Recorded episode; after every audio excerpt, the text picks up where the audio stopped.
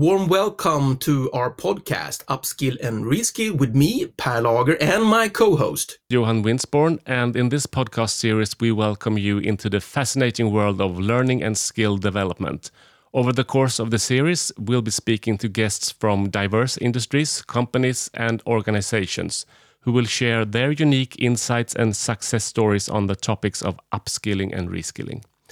In today's episode, we have the honor of hosting a guest who not only represents a forward thinking and cutting edge institution, but also embodies an entire nation's dedication to upskilling and reskilling its population. We couldn't be more thrilled for today's show. What do you say, Pär? Who am I talking about? Well, today we are going to talk about, learn more about the fantastic initiative Skills Future from Singapore, something that we have followed for years and it is because this podcast is all about cases. How have you executed on upskill and reskill? How have you been scaling upskill and reskilling? And, and, and, and today we're going to talk about the nation's initiative. And for me, a Skills Future uh, is a little bit like a Tesla of upskill and reskilling. I mean, it has been uh, around for a couple of years, but almost none has come even close to manage to create such an innovative initiative as Skills Future. That's why we are so curious to to have uh, have Skills Futures with us today in our show.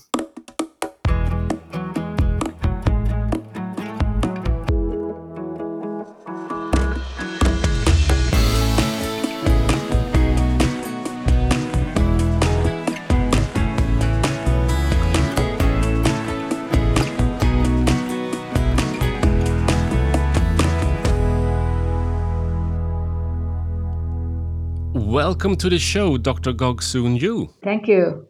Nice to have you here. You are the Chief Skills Officer at Skills Future Singapore. Could you, before we start talking about Skills Future, uh, could you tell us a little bit of what you do at Skills Future and perhaps a bit about your background for our listeners? Thanks for having me and thanks for all the nice introductions about Singapore Skill Future movement. Yeah, my name is Soon Joo. You can call me Soon Joo. Uh, Gog is my family name. I'm currently the Chief Skills Officer of Skill Future Singapore as a government agency under the Ministry of Education. So the agency's mandate is to identify and anticipate the skills needs of the economy and then activate the supply, which is the courses that we can we can mount by the university, polytechnic, and IT, and even private sector to offer the courses so that the workforce can en- engage in the reskilling and upskilling uh, process. So, as an agency, we provide information on job skills insights, we provide uh, cost-free fundings and cost-free grants to defray out-of-pocket expenses. So as an as a as an agency, we coordinate and con- convene these activities across the whole of Singapore. And a little bit about your background. Where where do you come from? Uh, have you worked with learning a lot? Yes, yes. Uh, before I joined the government uh, agency, I was a, a, lecturer teaching at the Polytechnics uh, for seven years before I joined then the Workforce Development Agency, which subsequently in 2016, uh, we split into two separate uh, statutory board. Uh, Workforce Singapore reports to Ministry of Labour, uh, Man- Manpower, and Skill Future Singapore reports to uh, Ministry of Education. Then thereafter, from Skill Future, I've been taking up various roles from setting up of uh, the skills-based credential for the nations uh, to running a institutions that look at re- uh, skilling and reskilling of adult educators who are critically important for the lifelong learning and also undertaking research in uh, adult learning. And then I moved back to the agency to to run um, to to take up the role of group, group director for training partners group, curating training partners who come together as a high quality responsive uh, ecosystem and then lastly, most recently, I moved over, moved into the chief skills officer's role. Very interesting. Uh, about skills future, then a little bit more. In in many countries, they they look upon uh, the lifelong learning and continuous learning as an individual responsibility to stay competitive in the job market. But in Singapore, you have actually made an, a governmental initiative to help and aid your citizens in this uh, skill future job market uh, search. Why, why is it that this became a, a governmental initiative? Yeah, this must go. We must go back all the way back to how Singapore is founded uh, in uh, 50, 58 years ago, uh, and we know that at that point in time, um, we, we in order to develop a economy that is sustainable, competitive, and inclusive, the, the, the ability, the, the skill set and the ability of the citizens and the workforce to be able to grow in tandem of the economy is very important. So the early year, we really invested a lot until now, about $15 billion of our total budget annually into uh, uh, formal educations, which is preschool to uh, primary school, high school, college, and uh, higher educations. And and over the over the year, we can see that the success of people able to use their skills to get gainfully employed, and the employer is able to find skilled workforce to do what it what is needed for the for the industry. So that I think the proven success in that affirm us that we have to continue to do that. So government not just coming in as a funding agency, but we also uh, play the role of convener to convene the conversations about where the industry is going forward, what kind of uh, what kind of business strategy you're moving forward. Do, are you going to automation, digitalizations? Then what about your workforce? Are they equally skilled to support you to do that? So the kind of uh, convener role to discuss this as a holistic uh, economic transformations, industry transformation is very key. And of course, with the employer in the in, in the picture, then we ask ourselves is what about the education and training institutions? Are they ready to support this? So we need to bring all the key partners into onto the table and discuss this. And to activate the, the demand, we also look at how the labor movement, the labor unions are able to mobilize people on the ground to say that I need to take up the training. So it's, it's almost a multi-partnership uh, all this while to coming together and government play the convener's role to convene uh, the, the trade association and chambers, the enterprise group, uh, big employers, Uh, uh, labor unions, and also the Institute for Adult Learning to come together. So I think that's a, the, role, the role we have been playing all this while. So it is not something new, but in 2015, we started to look into, uh, we call it Skill Future is a movement it, because it will be a long haul. It's not just a one one off a uh, decision. It's a long haul that we want to do a couple of changes. Number one, we want to build a nation of lifelong learner. We want a society that value skills mastery, and so skills become a key key ingredients and a key uh, currency that we want to activate. That all the partners can come together to use skills as a conversations to achieve inclusive growth, competitive economy. It looks like uh, there are many partners involved to actually make this happen on a on a big scale. That must take a lot of you to coordinate and and uh, address different partners. Is that a tough job for you to do? Yeah. So so in Singapore, is a this activity is uh, is whole is owned by the whole government. So the sector agency, uh, the sectoral agency looking after each sector, will convene its own tripartite partner coming together to the table to look into. For example, if you if you can you can search for in, uh, industry transformation map ITM, you will find that the 23 ITM are in the priority sectors. Each will be coordinated by the sector agency, and SSG will play a role to help identify the skills, find the courses, fund the courses, and then things will move sector by sector. How uh, would you say that Skills Future have, has evolved since the start to 2015 in any way? The phase one in 2015 to 2020 was very much uh, first. I think we want to we the the, the key thing is uh, in phase one we wanted to uh, how do I put it? We wanted to build, we wanted to empower people to take charge of their own uh, skills development journey. So, so we decided to give Skill Future credit to Singaporean 25 year olds and above. So once you hit 25 year old, the first thing in, in January, you will receive a happy birthday letter to say that congratulations, you're 25 year old now. Now you have this $500 gift future credits. You can decide how you want to spend this credit uh, in order to help you upskill and reskill ongoingly. And then we will do top up as and when we see that the usage is, is very promising. People need to have more. So in two years ago, we, we top up a sec- second $500 and for people 40 and above, they got extra $500 because we see that this particular age, age group of 40 and above may need extra help to, to tie over if they want to move from a sunset industry to sunrise industry or they want to move from different kind of key job roles. So this is extra help given to them so that they can make their own informed decisions uh, whether or not their employer is supporting them. That said, we also have skills future credit for enterprise That is to defray the cost of support sending their staff for training because enterprises may have their own priority. Uh, this is also again on top of what the course fee subsidies we have given to courses curated because we are we tied the courses curated to what the skills that matter to the economy. So if the the course match the skills and we can measure the outcome, we will fund and defray the cost. So the course fee subsidies can go from 50% all the way to 90%, depends on who you are. For example, if individual is 40 and above, like myself, we get 90% course fee subsidies. If your, your company is small, medium enterprises, less than 100 employee and less, you also get 90% course fee subsidy. So it depends on the needs of, uh, of the enterprises and the, work, the workforce. The, the, the subsidies are tailored accordingly. Yeah.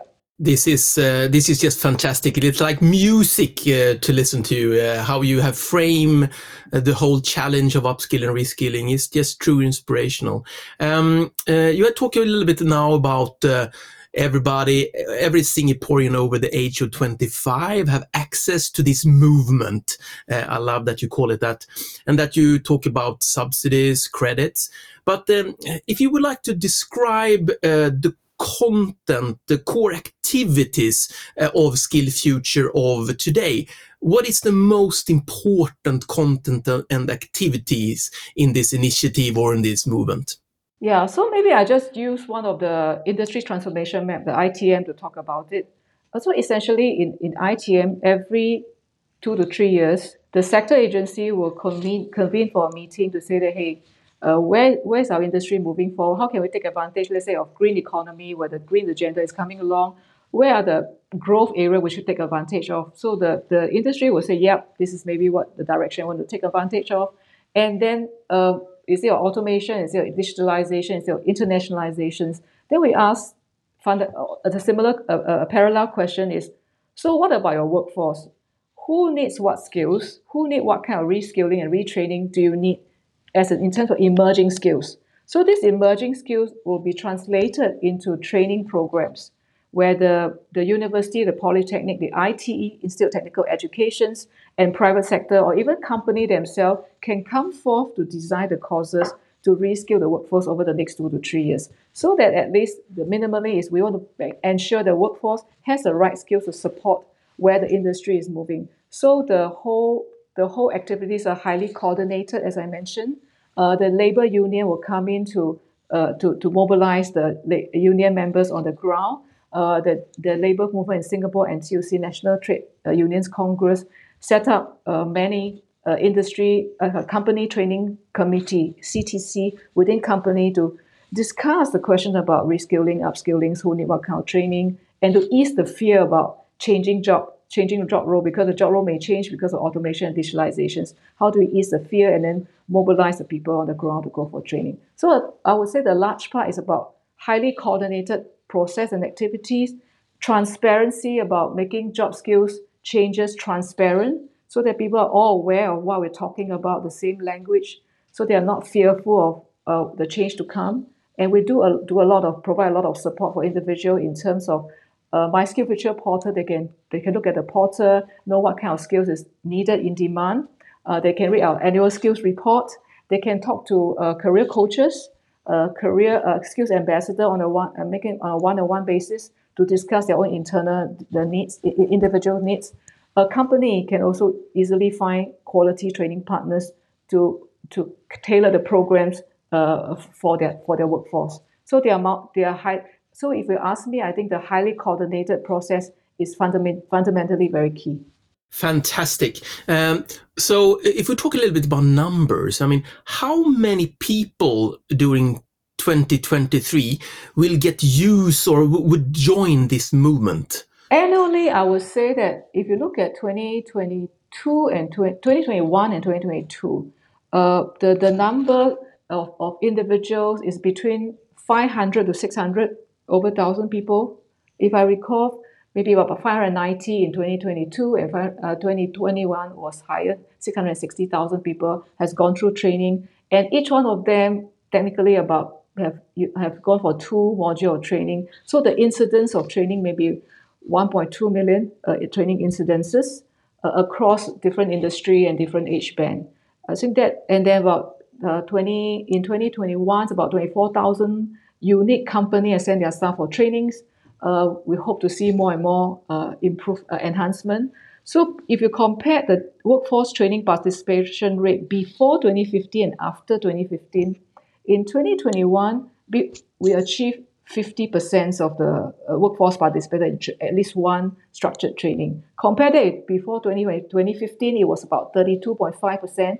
So the jump is, is quite encouraging, but we expect to see more um, intensive training participation because the fact that industry are changing, company are changing very quickly in their strategy, the way they uh, do automation, the way to do digitalizations, and new business model coming. So we expect the workforce to also increase the intensity of training and frequency of training as well.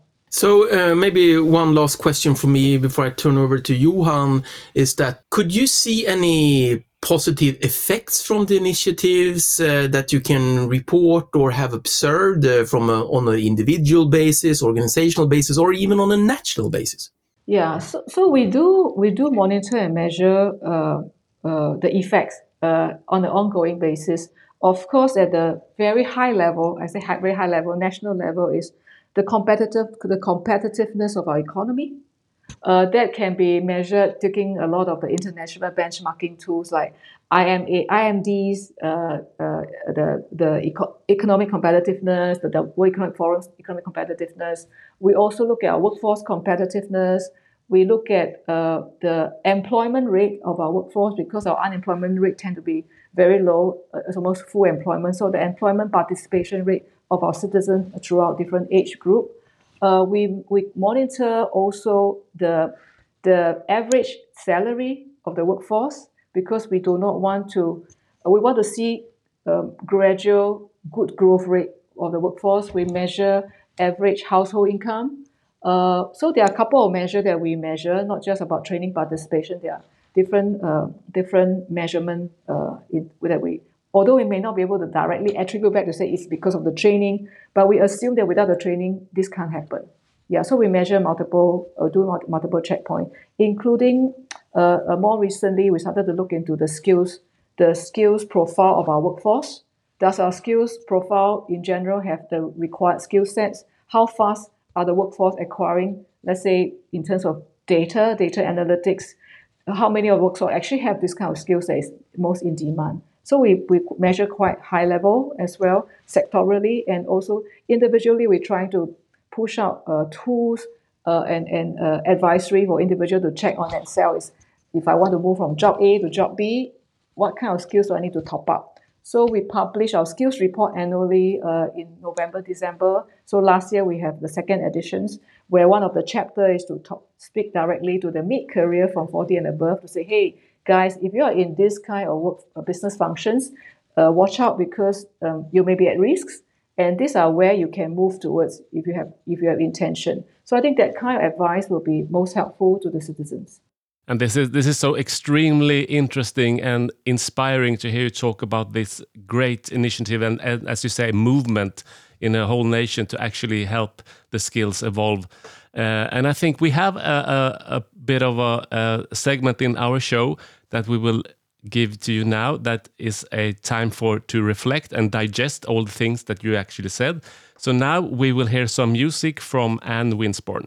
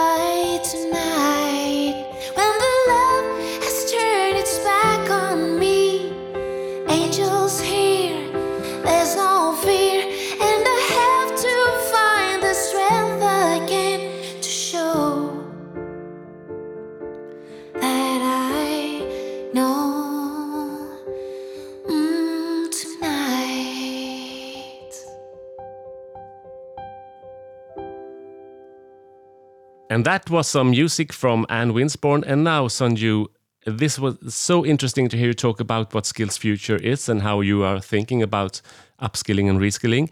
Are there any other countries and organizations, including those perhaps in the European Union, that have expressed interest in the Skills Future movement?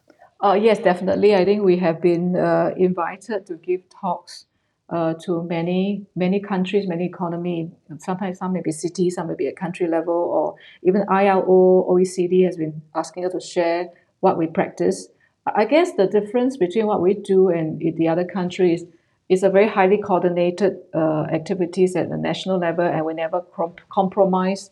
We, we never compromise what the the basically we, we, we, we never leave it totally to the market to decide the workforce development. We, we wanted to make sure that we can be part of the team to steer the directions and ensure that every citizens who are willing are able can participate in continuous re- reskilling and upskilling throughout their life stages as long as they're willing, they wanted to do that. Do that. So I think that is is, is fundamentally quite different from some other economy. They tend to think that it is, it is to the individuals or to the industry to decide. But we think that some kind of coordination is, is very important to make sure that it's a success for all. I think that that's something that attracts um, a lot of the uh, invitation to ask us to share about what we do.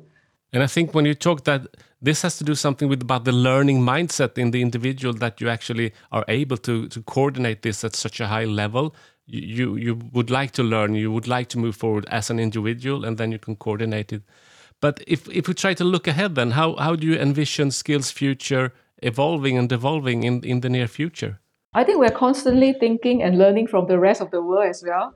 We don't have all the solutions. Um, we wanted to see how how to how can we even shorten the time between knowing what the future skills need to really get the workforce to preemptively upskill before they need it in the shortest possible time.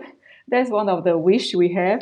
Uh, and I must say that if you ask ourselves today, do we declare ourselves a success? I, we don't think so because they are we, we are not happy with the we, we think that the improve the, the enhancement can also be in terms of the frequency of people participating in training. Uh, some people are waiting for their employer to nudge them and say, oh, you better go for training. So we would like to see more people taking their own initiative to do that. Uh, similarly, for companies, the bigger companies are more able to do planning, future workforce strategy, uh, send the staff for training, and then able to shift the staff from uh, uh sunset role to sunrise role and future role. But the, the larger proportion of the small, medium enterprises will need some help because they lack capability, they don't have the resources. So we are we are piloting a lot of initiative, including how do we mobilize the intermediaries in the market to do so. It can be uh, and uh, building the capability of trade association chambers, uh, building capability with the professional bodies.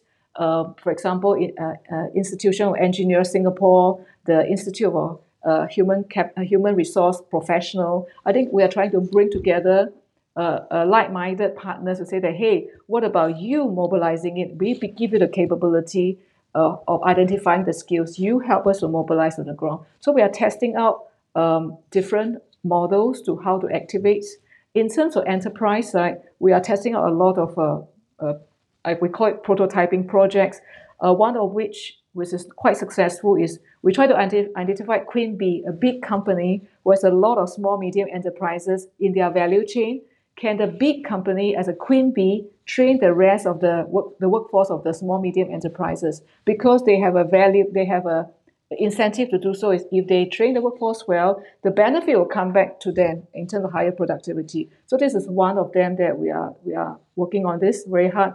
Uh, is they are started to see some small little uh, success. We, we hope to see more identify more queen bee among the industry that they can mobilize this. The other part that we want to see is also can we have more workplaces able to train their own staff, not just sending them for outside training. So the we set up National Center of Excellence for Workplace Learning. We try to train workplace supervisor to be able to train. We try to link the closer the partnership between workplaces and let's say polytechnic and uh, university to do work study program where part of the learning actually take place at work so that employer can see the direct benefits of their staff learning and they're working at the same time and contributing back uh, to the work itself. So these are some of the things that we are looking at, uh, and we're trying to learn from the rest of the world best practices as well, how to mobilize employer uh, to be able to think about reskilling, upskilling as a necessity and not as a cost, because the, it's a it's a return on the return on investment will come back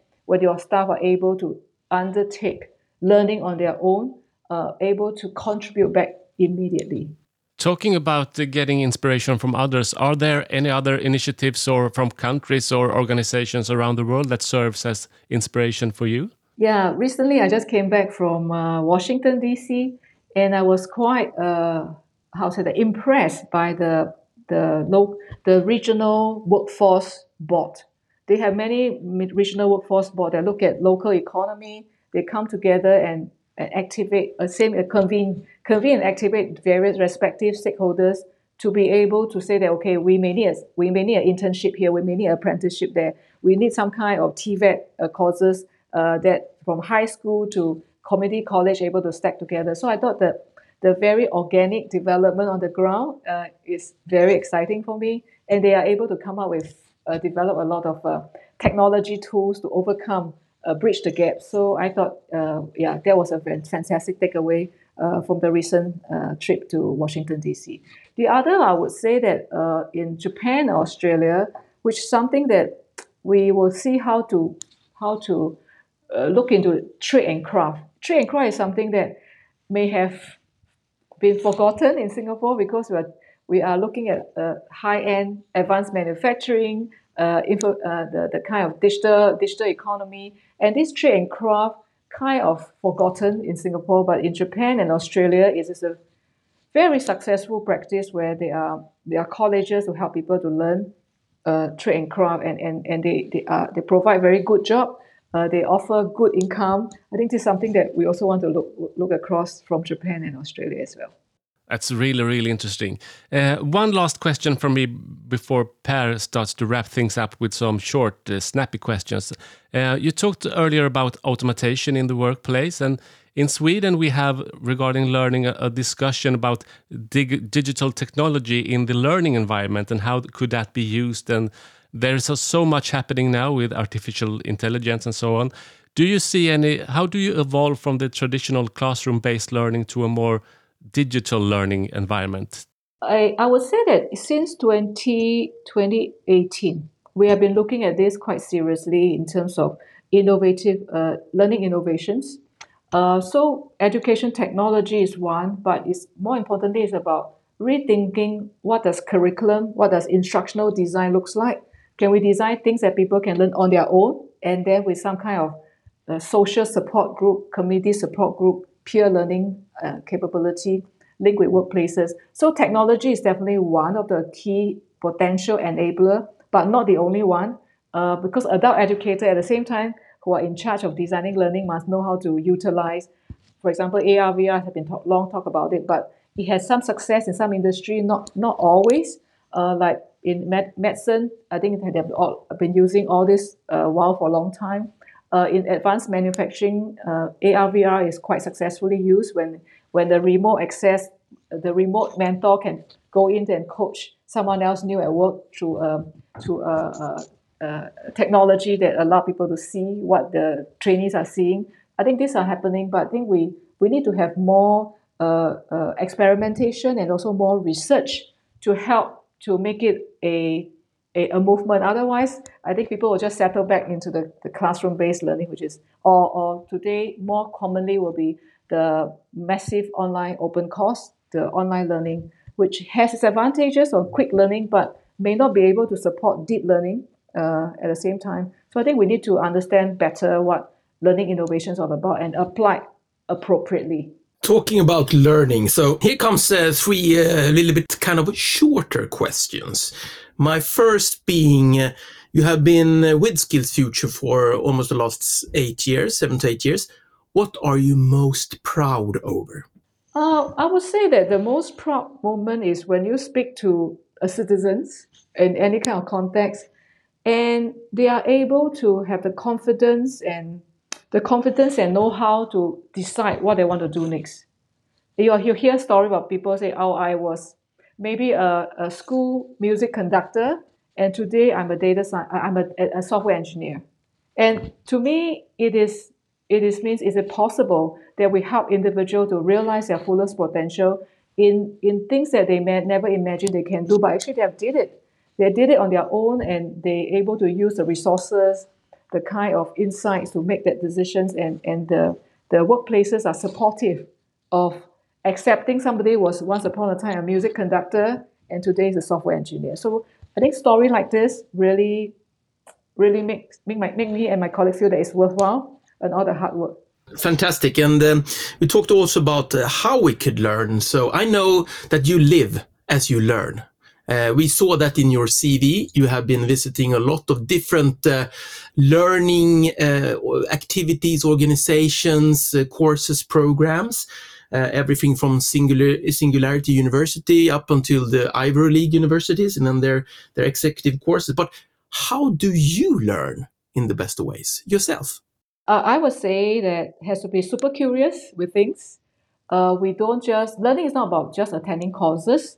Learning is about volunteer our time to help others as well. We may be really volunteer. Like now, I volunteer to be in the uh, elder uh, elderly society uh, where people are taking their own decision. It's called Ibasho at Queenstown, and it's going around to offer our time and work alongside people in areas that we have never trained in. And I think that learning that kind of network, understand people, will be most fulfilling. Thank you so much, uh, Soon Joo, for for this conversation that has really inspired us. We have we had high expectations, but you have overreached them, I must say. So it was a great pleasure having you in the show, and uh, I, I hope we can meet uh, in real life uh, in the near future, uh, discussing more about uh, how we can solve the the learning challenge. So a big warm thank you. Thank you, Sandy. Thank you for having me.